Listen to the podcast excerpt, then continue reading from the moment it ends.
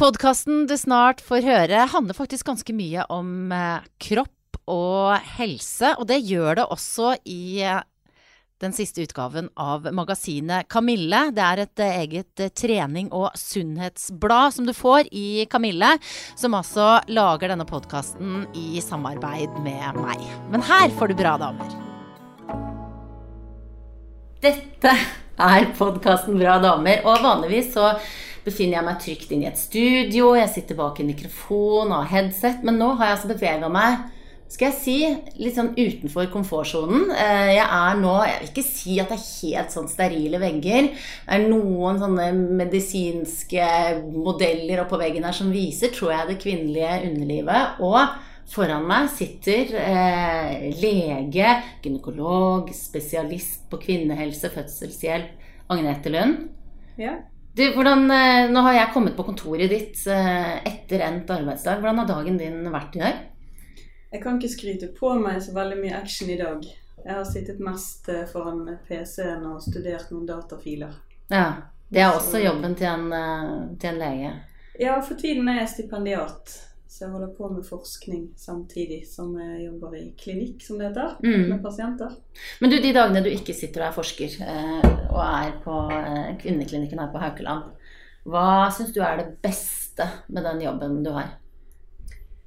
Å være lege ved kvinneklinikken er jo et veldig sammensatt yrke. Vi jobber med alt fra eh, assistert befruktning eller prøverør til eh, abort, til eh, fødsel, svangerskapsomsorg, kreftbehandling, operasjoner på friske kvinner egentlig som har plager. Så det er utrolig sammensatt og veldig utfordrende og kjekt. Så det beste syns jeg faktisk er å jobbe med et fag som er så stort. Mm. Det er så mye å engasjere seg i at eh, ja, man kjeder seg aldri. Det jeg tenker er jo at du i jobben din møter jo folk når de er i en ganske sånn Ofte i en litt ekstrem situasjon, da. Sjøl var jeg her sist gang for åtte år siden da jeg skulle føde, og det er på en måte den mest fantastiske dagen i livet, sant. Andre kommer hit og har kanskje får beskjed om at de mister barnet sitt, eller at de ikke kan få barn, eller de har en alvorlig sykdom. Det er sånn ja, ekstreme forhold i menneskelivet, da. Mm. Hvordan opplever du det?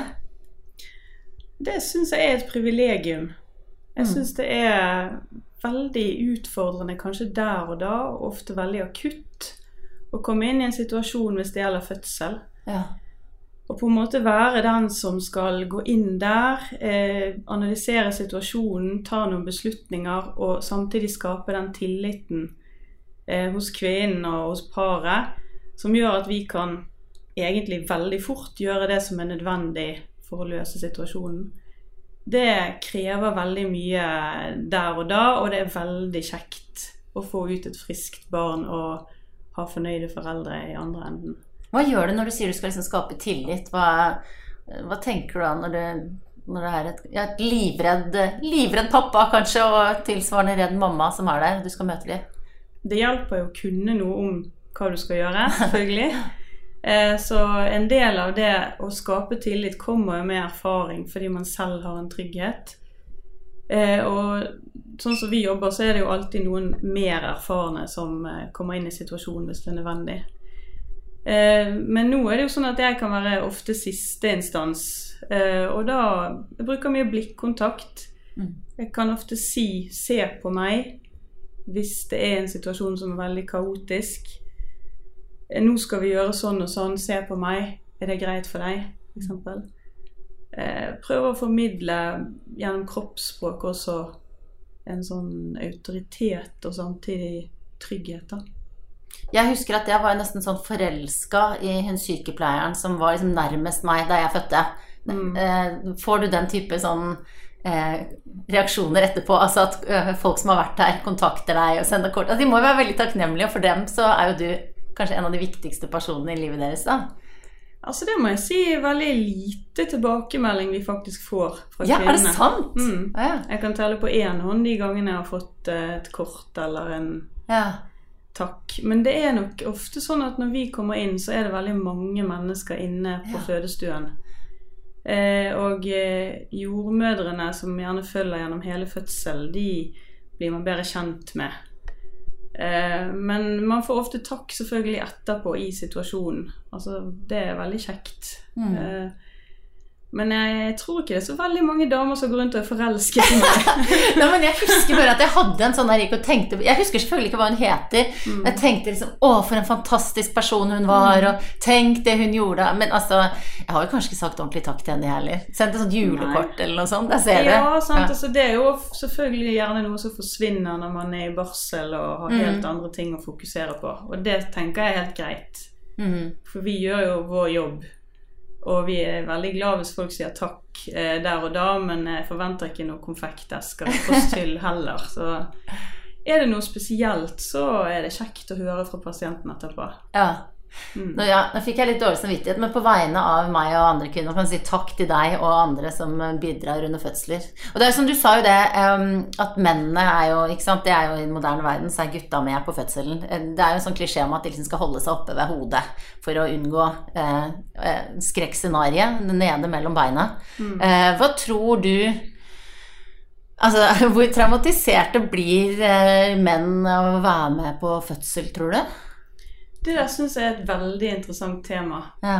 Eh, fordi at det varierer jo mye. Men jeg har jo sett menn som eh, må gå ut, kanskje er i ferd med å besvime eller besvimer, i helt normale omstendigheter. Og så har jeg jo truffet menn som står der litt sånn bleke om nebben, og det virkelig skjer alvorlige hendelser. Jeg prøver gjerne å geleide de ut. Eh, men det som jeg har savnet når det gjelder menn, er jo at menn snakker sammen om fødsel.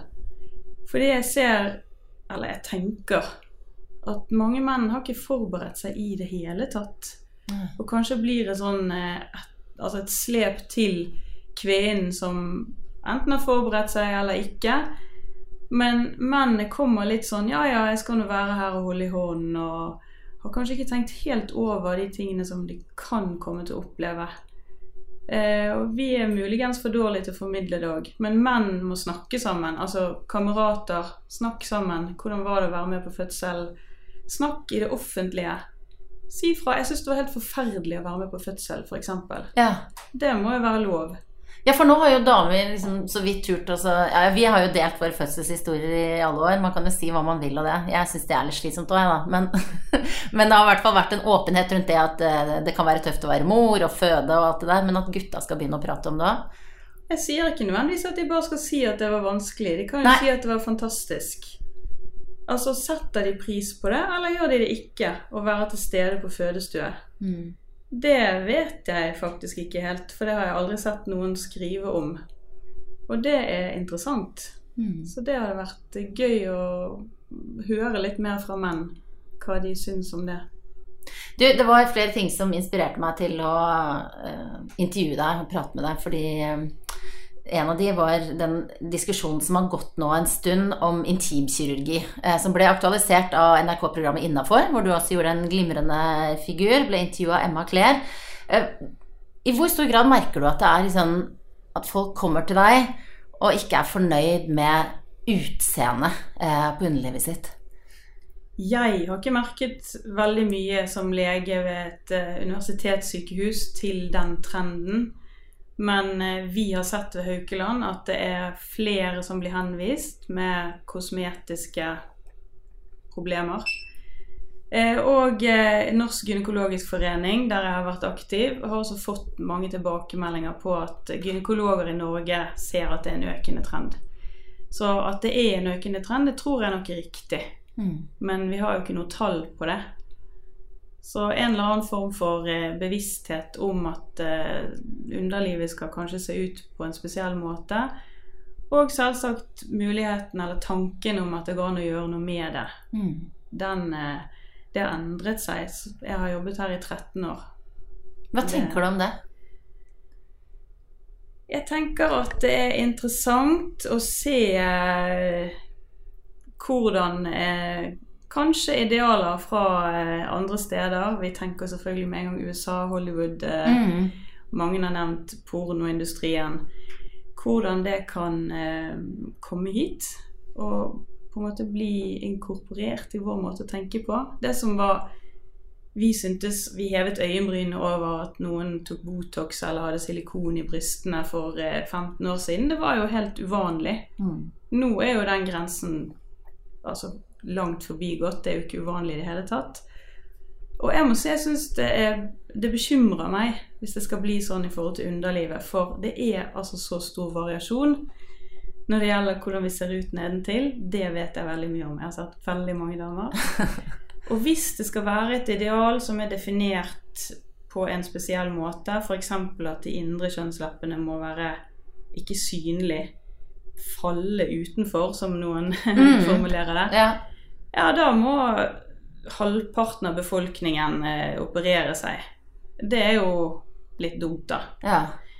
Eh, Så Nei, det er mye å si om det der. Altså, vi lo veldig mye i min eh, vennegjeng eh, etter at noen hadde vært i California og hørt om anal bleaching. ja. Analbleking, fordi man ikke skal ha noe pigmentert hud rundt der. Det, det holdt vi på å le oss i hjel av. Men nå er jo det sånn som folk vet godt hva er her. Ja, og er det, du, ikke sant? Du, sier, du, du ser jo din del av eh, kvinnelig underliv og har sett en del i løpet av 13 år.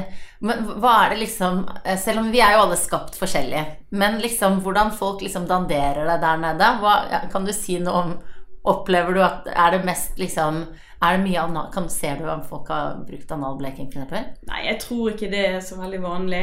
Nei. Selvfølgelig er barbering eh, mer eh, vanlig nå enn det kanskje var ja, når jeg var mindre da, og vokste opp og så eh, kvinnelig underliv eh, på sentralbadet eller i dusjen eller altså det, det der med å barbere seg har jo endret seg. Jeg Gjør alle det nå? Altså De du ser, Hva er vanligst? De som er helt barbert, eller de som ikke i det hele tatt?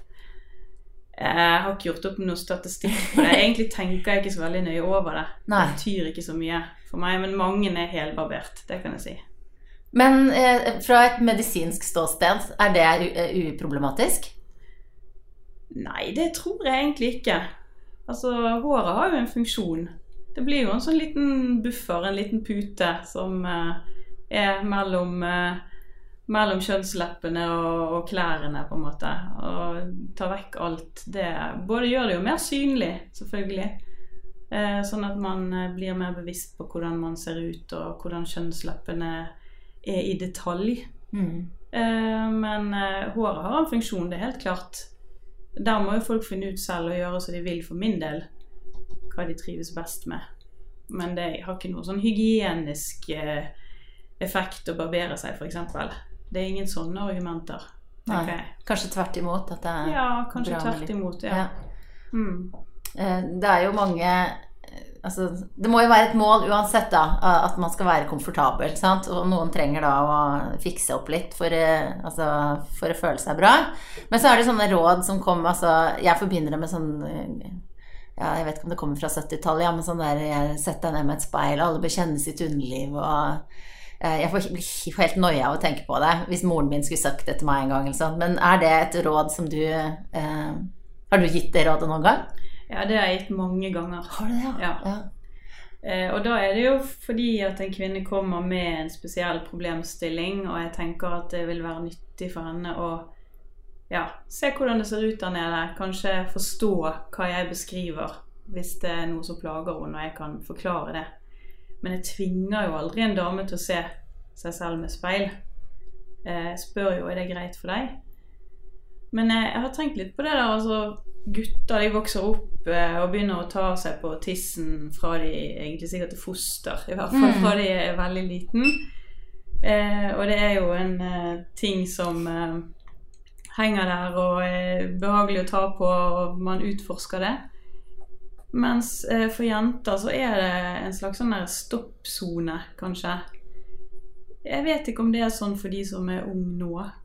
Men eh, det er et sted man liksom ikke skal fingre med eller utforske. Og det, det skaper jo en kjempestor forskjell på gutter og jenter. Mm. På det å vite hva er det du har der nede. Jeg tror altså det er jo kvinner jeg forklarer med, med tegninger ofte. Veldig ofte. Hvordan underlivet er. Og altså, de vet ikke forskjell på eh, eggstokker og livmor, og nærmest ikke på skjede og livmorhals. og vi kaller jo det for vagina når det egentlig er kjønnsleppene vi snakker om. Mm. Så vi er jo ikke så veldig godt skolert i våre egne underliv, faktisk. Nei, og det er jo noe med at jeg har jo bare hele tiden mens vi har snakka om det, sagt underliv, for det holder på en måte for meg. Der jeg liksom føler at jeg tar liksom en sånn sekkbetegnelse.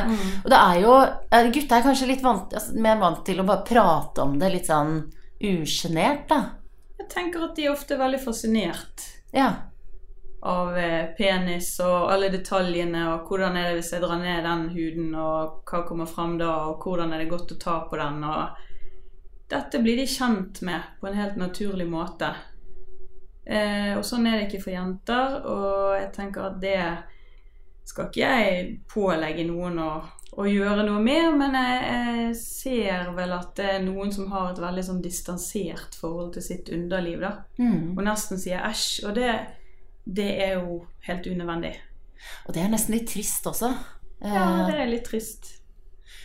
Og det er jo altså den derre Se jo mine døtre på Som er fortsatt ganske små, de står foran speilet og bare elsker seg selv. De syns de ser helt fabulous ut. Sånn.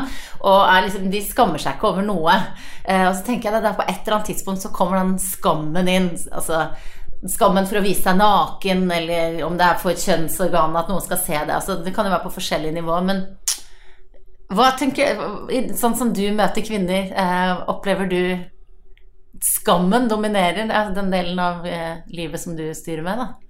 Ja, altså det å gå til gynekolog eh, for en undersøkelse, og nå snakker vi jo ikke om fødsel Nei. Eh, Det er jo noe som mange gruer seg til. Mange sier 'dette er det verste jeg gjør', og sånne ting. Mm. Så da har man noen sånne kanskje ting som jeg sier, da, som for å bryte isen og, og få de til å senke skuldrene. Og, og i du hvert fall ikke skamme seg, da. Ja, hva sier du da? Nei, jeg sier sånn Ja, her må du jo ta av deg eh, både bukse og undiken, sier jeg da, siden jeg er fra Bergen. Ja, ja, Syns det er et veldig bra ord for uh, truse. Mm. Eh, så ingenting som er skjult for oss, men det skal du ikke bekymre deg for. Vi er vant til det, altså. Et eller annet sånt. Mm. Eh, det går som oftest veldig greit. Så jeg vet ikke, det er nok en blanding av eh, det å grue seg til å bli undersøkt, eh, og kanskje litt skam av og til. Noen unnskylder seg fordi de ikke har f.eks. barbert seg, da, apropos. Oh, ja. Og da blir jo jeg litt sånn Det bryr jeg meg faktisk ikke om i det hele tatt. Ja. Det er ikke det vi er ute etter å vurdere nå, på en måte. Så det der er interessant. Eh, Det er jo egentlig mange andre fagfelt som kunne dykket ned i det og prøvd å beskrive hvordan den skammen er der eller ikke er der. Mm. I vår generasjon, da, f.eks. Men hva med du, Det er jo sånn at uh, faget ditt, det er også dreier seg ikke bare om de som kommer her, men det handler om en samfunnsperspektiv på det. Du er engasjert dame. Du har til og med kåra til årets debattant i fjor av Bergens Tidende. Skrevet masse innlegg og engasjerer deg. Hva, hvilke sider av det du jobber med, altså kvinners helse, eh, mener du er liksom det viktigste politiske temaet? Det er et svært spørsmål, da, men hva engasjerer deg mest? Mm, ja, det er et kjempespørsmål. Eh, vi snakket jo bitte litt uh, Oi, der ringer Å nei, nå er det sånn Er det nå Det er kanskje ikke- en fødsel? Det er ikke alarmen går, tror jeg. Ja, det er Men jeg er litt opptatt nå. Hvem er det jeg snakker med? Prøv igjen i morgen, du. Jeg skal være her i morgen. Ja, fint. Ha det. Det var ikke nede fra Eh, vi har av en eller annen grunn ikke hemmelig nummer, så hvis vi noensinne har ringt en pasient, så har de nummeret vårt. Ah, Ja. det var en pasient, rett og slett. Men, men. Ja. Det var Du var veldig høflig. Høflig og Ja. vennlig avvisende. Ja, Ja. måtte nesten det. Men du, hva syns du er viktigst? Ja, altså Det viktigste, tenker jeg, er jo på en måte det store perspektivet som vi Vi jobber jo med kvinnehelse fra unnfangelse til død, egentlig. Ja. Altså hvordan er de eh, problemstillingene som vi jobber med, rangert, kanskje i forhold til andre helseprioriteringer? Det syns jeg er viktig. Mm. Eh, vi gjør jo en eh, stor jobb f.eks. i svangerskaps- og fødselsomsorgen for å hindre uheldige utfall. Hvis du ser på et land uten helsetilbud for gravide, så er jo det å være gravid livsfarlig Mm. eh, rett og slett. Um, og eh, sånn er det jo ikke hos oss. Det er jo veldig trygt. Og det skyldes jo en helsetjeneste som faktisk gjør en veldig god jobb. Mm. Når man jobber innenfor dette feltet, så føles det jo likevel ikke som om det er helt sett. Det er nesten en selvfølge. Kanskje det er like mye grad Altså like mye en selvfølge for, for media eller for, eh, for kvinnene at alt skal alltid gå bra. Mm. Men det er virkelig ikke det. Altså Du kan gå én eller to generasjoner tilbake i Norge, så hadde man jo en dyp respekt for det å, å få barn. For det var jo eh, en potensiell risiko for å bli alvorlig syk eller stryke med. Mm. Og i dag så forventer vi at vi skal eh, ha levende barn som skal være friske fra midten av svangerskapet nesten, eller i hvert fall uke, uke 26, da. For tidlig fødte med kanskje mye komplikasjoner både for mor og barn. Det er en enorm suksess som ligger i det arbeidet som blir lagt ned her på kvinneklinikken, også barneklinikken. Og jeg tenker at likevel så er det ikke sånn at det helt eh, fremheves Nei. hvor bra det går. Det går Så folk kjempebra. eh, tar det egentlig litt for gitt? Ja, det, det syns jeg de skal gjøre òg, for all del.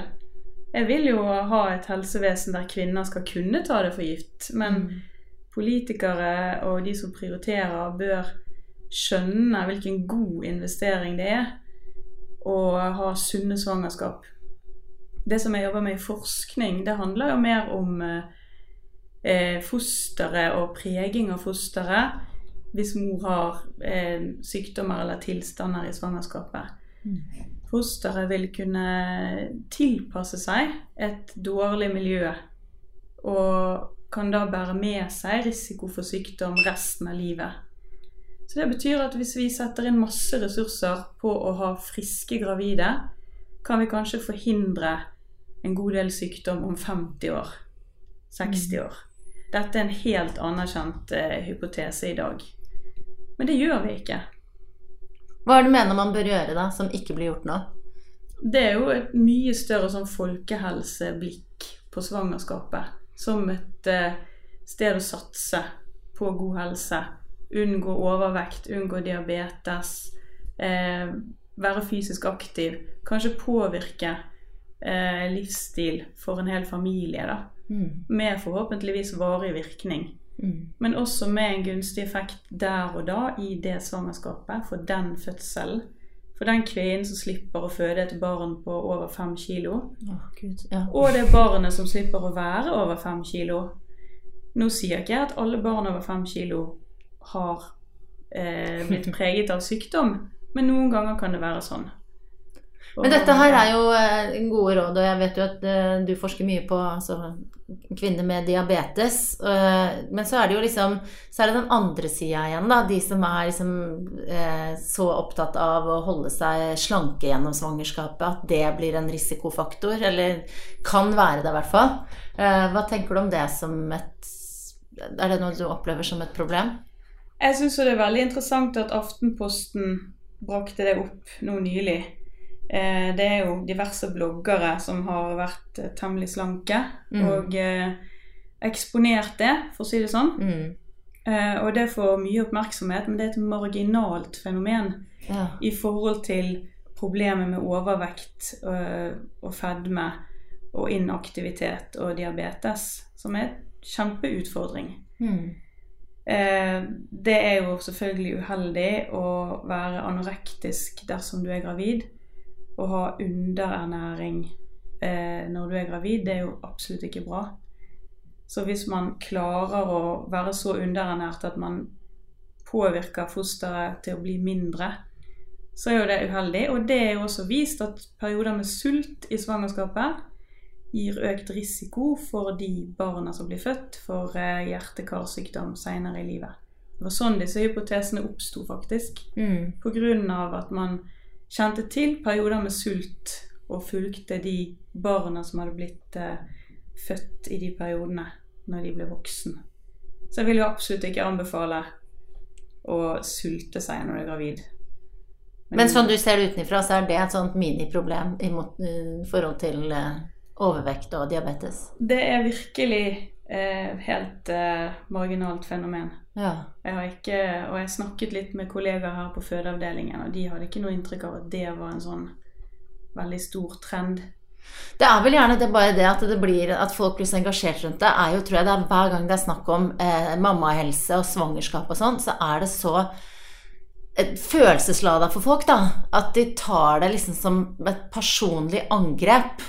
Eh, og jeg også kjenner jo liksom Hvis du ser liksom folk som ser sånn sjukt smashing ut tre dager etter fødselen, og jeg vet liksom at da hang magen min godt nedpå, liksom, så får man liksom Blir man jo litt uh, Føler man seg litt angrepet. Men uh, det er kanskje derfor at det er så mye følelser.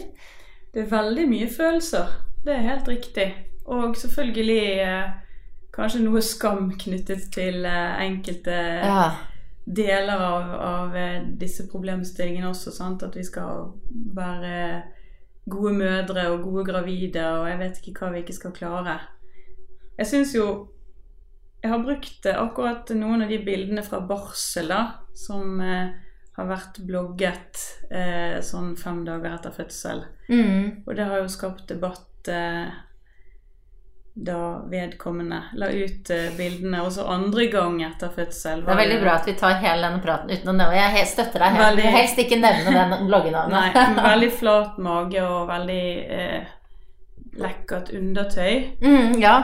Men da blir det sånn, altså Du har en eller annen gigantisk tampong på deg nå. Ja. At ja. så få dager etter fødsel, så er det noe som renner ut. Ja, man har de Eh. svære trusene og de svære bindene. Det er jo bleier, nesten. Så eh, det er veldig mye som skjer i kroppen i barseltiden. Ja. Litt sånn eh, undervurdert tid som en utfordring for kvinner, tror jeg. Eh, og barselproblematikk, det vekker også veldig mye følelser. Det jeg prøver å si til kvinnene at eh, bare tenk litt sånn hvordan det var før. Legg deg ned i en seng. Forvent å bli servert. Gå rundt i pysjen eller slåbroken i minst to uker. Og glem den joggevognen og at du skal gå ut eh, i tightsene dine eh, om fem dager og ta bilder av det eller hva som helst. Bare glem det, for det, de to ukene eller de fire ukene, hvor lenge det nå varer, det betyr ingenting. Du kan ta den joggeturen der om eh, fire måneder eller når som helst, men akkurat når du har et nyfødt barn, så ta den roen der, og ikke ha en sånn rastløshet over alt du skal oppnå og få til. Mm. Det som skal skje, er en tilknytning til babyen, og at ammingen skal komme i gang. Og noen mødre har mistet mye blod, eller de kan ha blitt operert med keisersnitt eller andre ting. Og da trenger de rekonvalesens.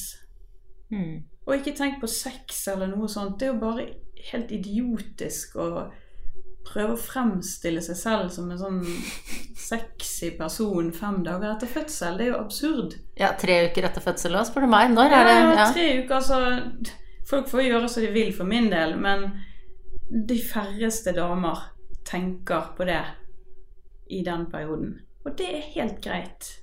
Og det kan vi òg begynne å snakke om. Det kan vi kanskje snakke mer om det som er vanlig. Mm. Ja, hva er vanlig der, egentlig? Hvor lenge pleier, eh, pleier man å vente før man har sex igjen? Nei, det Hvor lenge er det lov ikke. å vente, tenker jeg. Nei, jeg aner ikke. Så lenge du vil. Men det som skjer når du fullammer, er jo at man blir som i overgangsalderen. Mm. Du får et veldig lavt østrogennivå.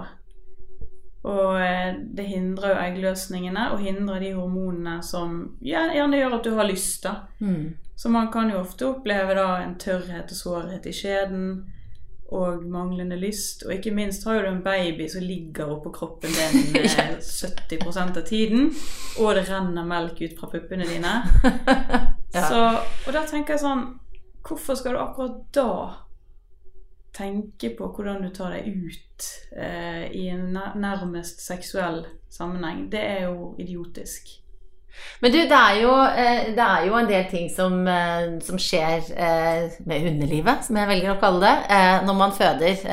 De fleste har liksom, som har født barn, har liksom ja, sydd et sting eller to, og noen har revna hele veien. Og, liksom. Hva er det på en måte Hva er det vanligste som skjer? Hva må man regne med Tenker du komplikasjoner? Nei, ja, eller jeg vet egentlig ikke helt hva jeg mener. Nei, nei, det er jo egentlig helt ærlig. Ja. Og jeg tenker at veldig mange som kommer til fødsel, heller ikke vet det. Nei. Eh, og noen ganger forventer seg eh, en altfor eh, stemningsfull og hyggelig opplevelse i forhold til Ja. det kanskje blir. Så det kan også være en plass der man stiller høye krav, ikke sant? At til og med fødsel skal bli en sånn god opplevelse. Ja, ja, med Det- stearinlys og boblebad og hu og ræva. Ja, ja. Rappemusikk, liksom. Ja, ja. Nei, det er glemmesak. Ja, det er få som klarer det. Mm. Eh, men når det gjelder eh, det som kan skje, så hvis du har vært helt frisk i svangerskapet, så er det jo ganske sannsynlig at du føder helt normalt. Uten at noen lege trenger å være involvert. Kanskje trenger man epidural for å få bukt med smertene som riene gir. Eh, og eh, så er det jo keisersnitt, som er omtrent sånn rundt 13-15% Der er jo det flere syke der som, de, som vet at de har en risiko, selvfølgelig. Mm. Og under selve fødselen, når babyen kommer ut, så kan det jo oppstå det som du nevner, rifter i underlivet. Eh, forståelig nok, eh, når du tenker på hva som skal komme ut. eh, Ja, ja. Det er jo helt absurd. Ehm, og det prøver vi jo å jobbe veldig med å unngå å forebygge. Ja. Eh, noen får jo et sånn klipp, eh, og det er jo for å gi litt bedre plass til hodet for mer å kontrollere det at det ikke skal bli en rift. da. Eh, så det er jo en ganske sånn mm, enkelt, lite kirurgisk inngrep, kan du kalle det, som jordmor også kan gjøre. Og som ikke er noe komplisert å reparere etterpå. Men omfattende rifter som eh, kanskje ødelegger muskulaturen rundt endetarmsåpningen, det er jo mer alvorlig skade, vil jeg si. ja. Så kan man, kan man noen gang bli Hvis man er veldig heldig, blir man helt som før da? Ja, man kan absolutt bli helt som før. Og det som vi helt sikkert har blitt flinkere til, er jo å oppdage de skadene. Og å ta det på alvor og reparere dem med en gang. Mm. På en ordentlig måte med god kirurgi. Eh, men jeg ser jo mange kvinner som er eldre, og som helt sikkert har hatt den type skader, men som ikke har blitt eh, ordentlig sydd etterpå. Så de har jo gjerne plager eh, seinere i livet, da. Mm. Og så er det noen som ikke blir helt bra, og det er jo også veldig sånn tabubelagt eh, å lekke luft, altså ufrivillig luftavgang fra endetarmen. Ja, ja, man har jo ikke helt kontroll alltid. Altså, mann Jeg snakker ikke nødvendigvis om meg selv, men altså, det er jo ikke liksom helt sånn Nei på stell. ja, det kan jo være helt, etter en helt vanlig fødsel og uten noe skade.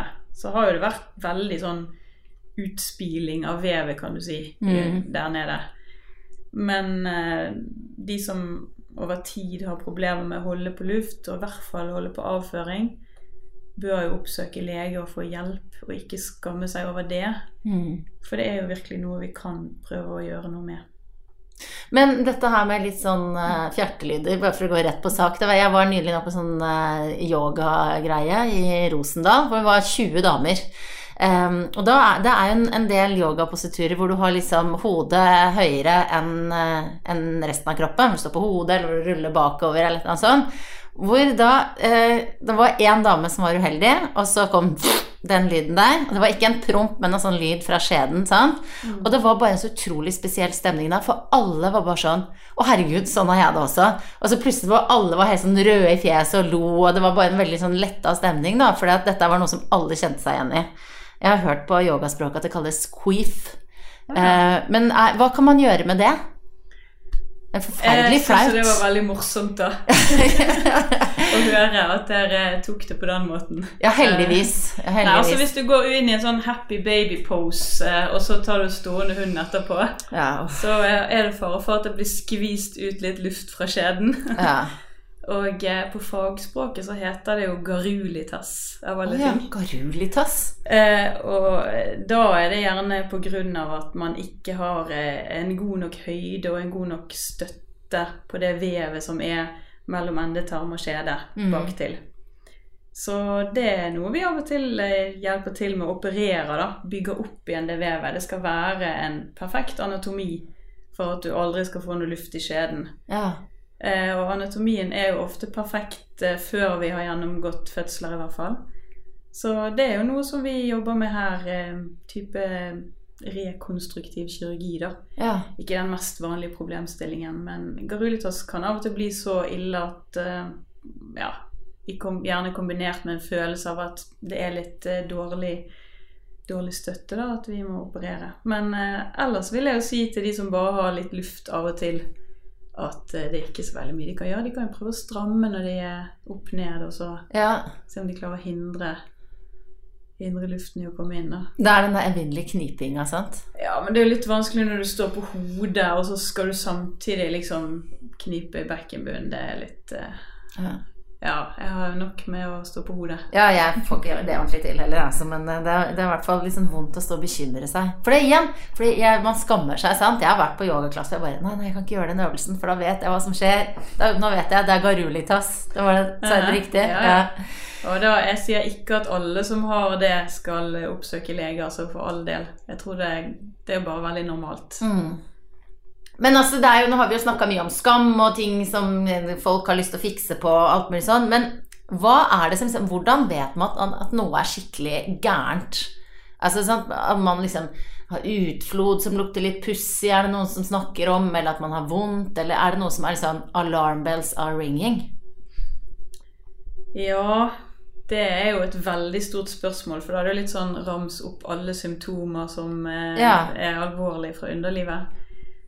Ehm, altså, hvis du føler deg frisk og egentlig ikke har noen plager med noe som helst, så tenker jeg i hvert fall at da, da er du sannsynligvis det. Mm. Eh, og hvis du har en prevensjon som fungerer, eller har regelmessig mens, eh, så er det greit. Da er det anbefales hvert tredje år å ta celleprøve. That's it. Mm. Trenger ikke gå noe mer til gynekologen, det. Hvis du har en plage eller smerte, så vet du jo om det. Altså Utflod er kanskje et sånt eksempel som er vanskelig å svare på, for det er jo veldig normalt. Og så er det noen sjeldne ganger at det er noe som bør behandles. Hvordan vet man det, da? Nei, hvordan vet man det? Hvis det klør og svir og er kjempemasse tykk, hvit utflod, kan det være tegn på soppinfeksjon. Men eh, du kan jo ha eh, utflod som lukter litt rart i perioder uten at eh, det er noe sykdom. Mm. Det er bakterier overalt. Inni skjeden er jo det et fint sted for bakteriene å være. Eh, Så blir det litt sånn ubalanse i den floraen der, så kan det lukte litt annerledes, og det er ikke noe farlig. Så der må man egentlig bare bruke sunn fornuft. Du, du nevnte, nevnte prevensjon. Eh, Det er jo liksom vi damene som stort sett tar den eh, støyten, da. Når man liksom, for det er jo ingen som jeg vet om, i hvert fall som syns det er helt topp med eh, kondom. Så da blir det som regel eh, et hormon, eh, altså enten liksom spiral eller minipiller eller piller eller sånn. Mm. Eh, og det er jo eh, i ærlighetens navn ikke helt uten bivirkninger. Um, hvilket eh, prevensjonsmiddel anbefaler du forresten? Hva er det du liksom ser Har du noen sånn noen sånn preferanser? Ja, jeg syns jo hormonspiral er veldig elegant. Ja. Da har du den lille staven som ligger inni livmorhulen. Hindrer for veldig mange menstruasjonsblødning, eller reduserer den veldig. Og det er jo en virkning som de fleste ønsker. Det er greit å slippe å ha mensen. Eh, Og den ligger nå der, du slipper å huske på å ta noen tabletter. Og det er en veldig trygg prevensjon. Så det syns jeg er et veldig godt alternativ. Eh, Så har jo du p-piller gjerne til de som er litt yngre, og det, det å sette inn en spiral kanskje ikke Det blir litt drøyt kanskje hvis de eh, er veldig unge. Det er sånn for oss voksne, da, da egentlig. Nja, men de har fått små spiraler nå òg som er beregnet på de som ikke har født. Oh, ja, ja. Så det vil jeg egentlig anbefale. Um, men det er klart at noen har, er veldig sensitive for hormoner. Og da er det som oftest mulig å prøve et annet preparat. Noen får veldig sånn emosjonelle reaksjoner. Eller de kan få kviser eller andre ting. Og da er det forskjell på de ulike p-pillene, i hvert fall. Mm. Så da går det an å prøve en annen kombinasjon, da. Um, men det er litt kjipt, altså. Helt enig. Det er jo eh, av og til fascinerende å få inn kvinner som for n-te gang skal prøve å få en optimal prevensjon, og de har Mm. fått de ungene de ønsker seg. Og litt sånn Ja, du har jo fast partner, kan ikke han bare sterilisere seg? Ja, ikke sant? Eh, nei, det er ikke aktuelt for han. For det tror jeg er utrolig få menn det er aktuelt for. Uten å henge ut noen her, så er det på en måte mange som har tatt den samtalen. Jeg blir litt sånn her eh, Ok. Eh, jeg skjønner jo det at parforhold kan bli brutt, og at det er en annen ting i vår tid. At man som mann, da, kanskje ser for seg at det kan skje. Men det er jo bare tanken på det når du er i et forhold Ja. med barn, er jo litt sånn usjarmerende. Jeg tror det er noe sånn symbolikk i det. De er redd Ja. for å miste sin maskuline kraft og ikke kan For hvis man steriliserer seg, da, altså da kommer man, man kommer, men, men det kommer ikke noe?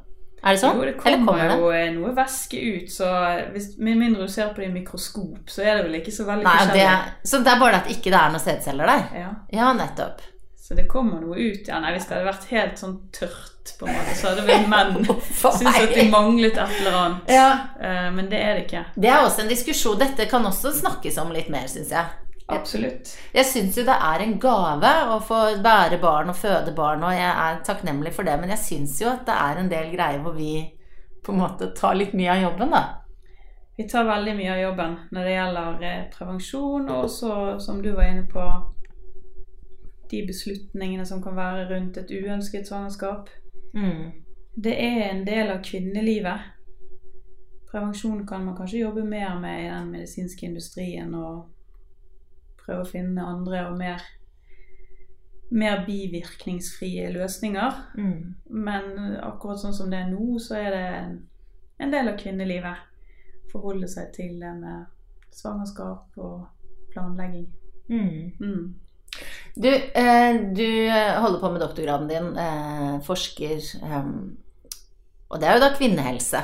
Jeg hadde hadde sånn idé når jeg kom hit, hadde lyst til å spørre deg om, om det om hvordan det er like høy status å jobbe med, med kvinners helse som eh, forsker på ting som også skjer med menn.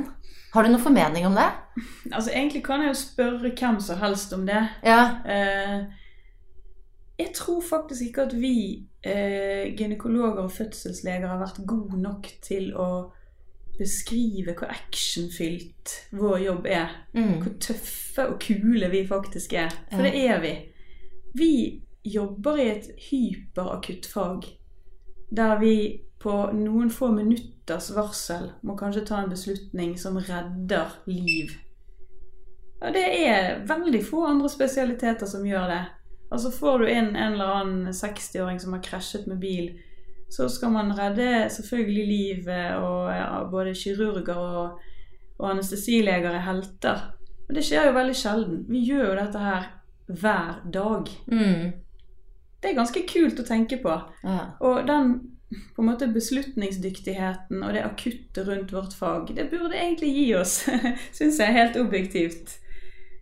Eh, en status som i hvert fall eh, ja, skapte litt mer interesse for faget, da. ja. Eh, det er en eller annen sånn Nok en gang det at man tar det litt for gitt at her skal alt gå bra uansett hva som skjer. Mm. Og på en så stor fødeklinikk som det her på Haukeland, så er det veldig mye som skjer. Og mange kompliserte beslutninger rundt liv og død for eh, folk som skal leve lenge. Altså det er ikke 80-åringer. Vi har veldig egentlig unge pasienter. Mm. Også i den andre delen av faget, som er den kirurgiske delen, og til og med de som får kreft. Så vi har eh, en veldig fin pasientgruppe, syns jeg. Med ofte relativt unge kvinner, da. Hva er den vanskeligste. Ja, det vil jeg absolutt si. Hvilken, Du sa det er vanskelig avgjørelse. Hva er den vanskeligste avgjørelsen du har måttet ta? Åh, på sparket? Nei, jeg vet ikke. Det er ofte krevende på fødeavdelingen. Mm. å veie for og imot. Eh, risiko ved å gjøre et keisersnitt nå i forhold til at det òg kan gå gale, at det kan påføre kvinnen større komplikasjoner. Samtidig så er jeg redd for kanskje at når jeg står der og skal forløse barnet, så kan det være vanskelig å få babyen ut, f.eks.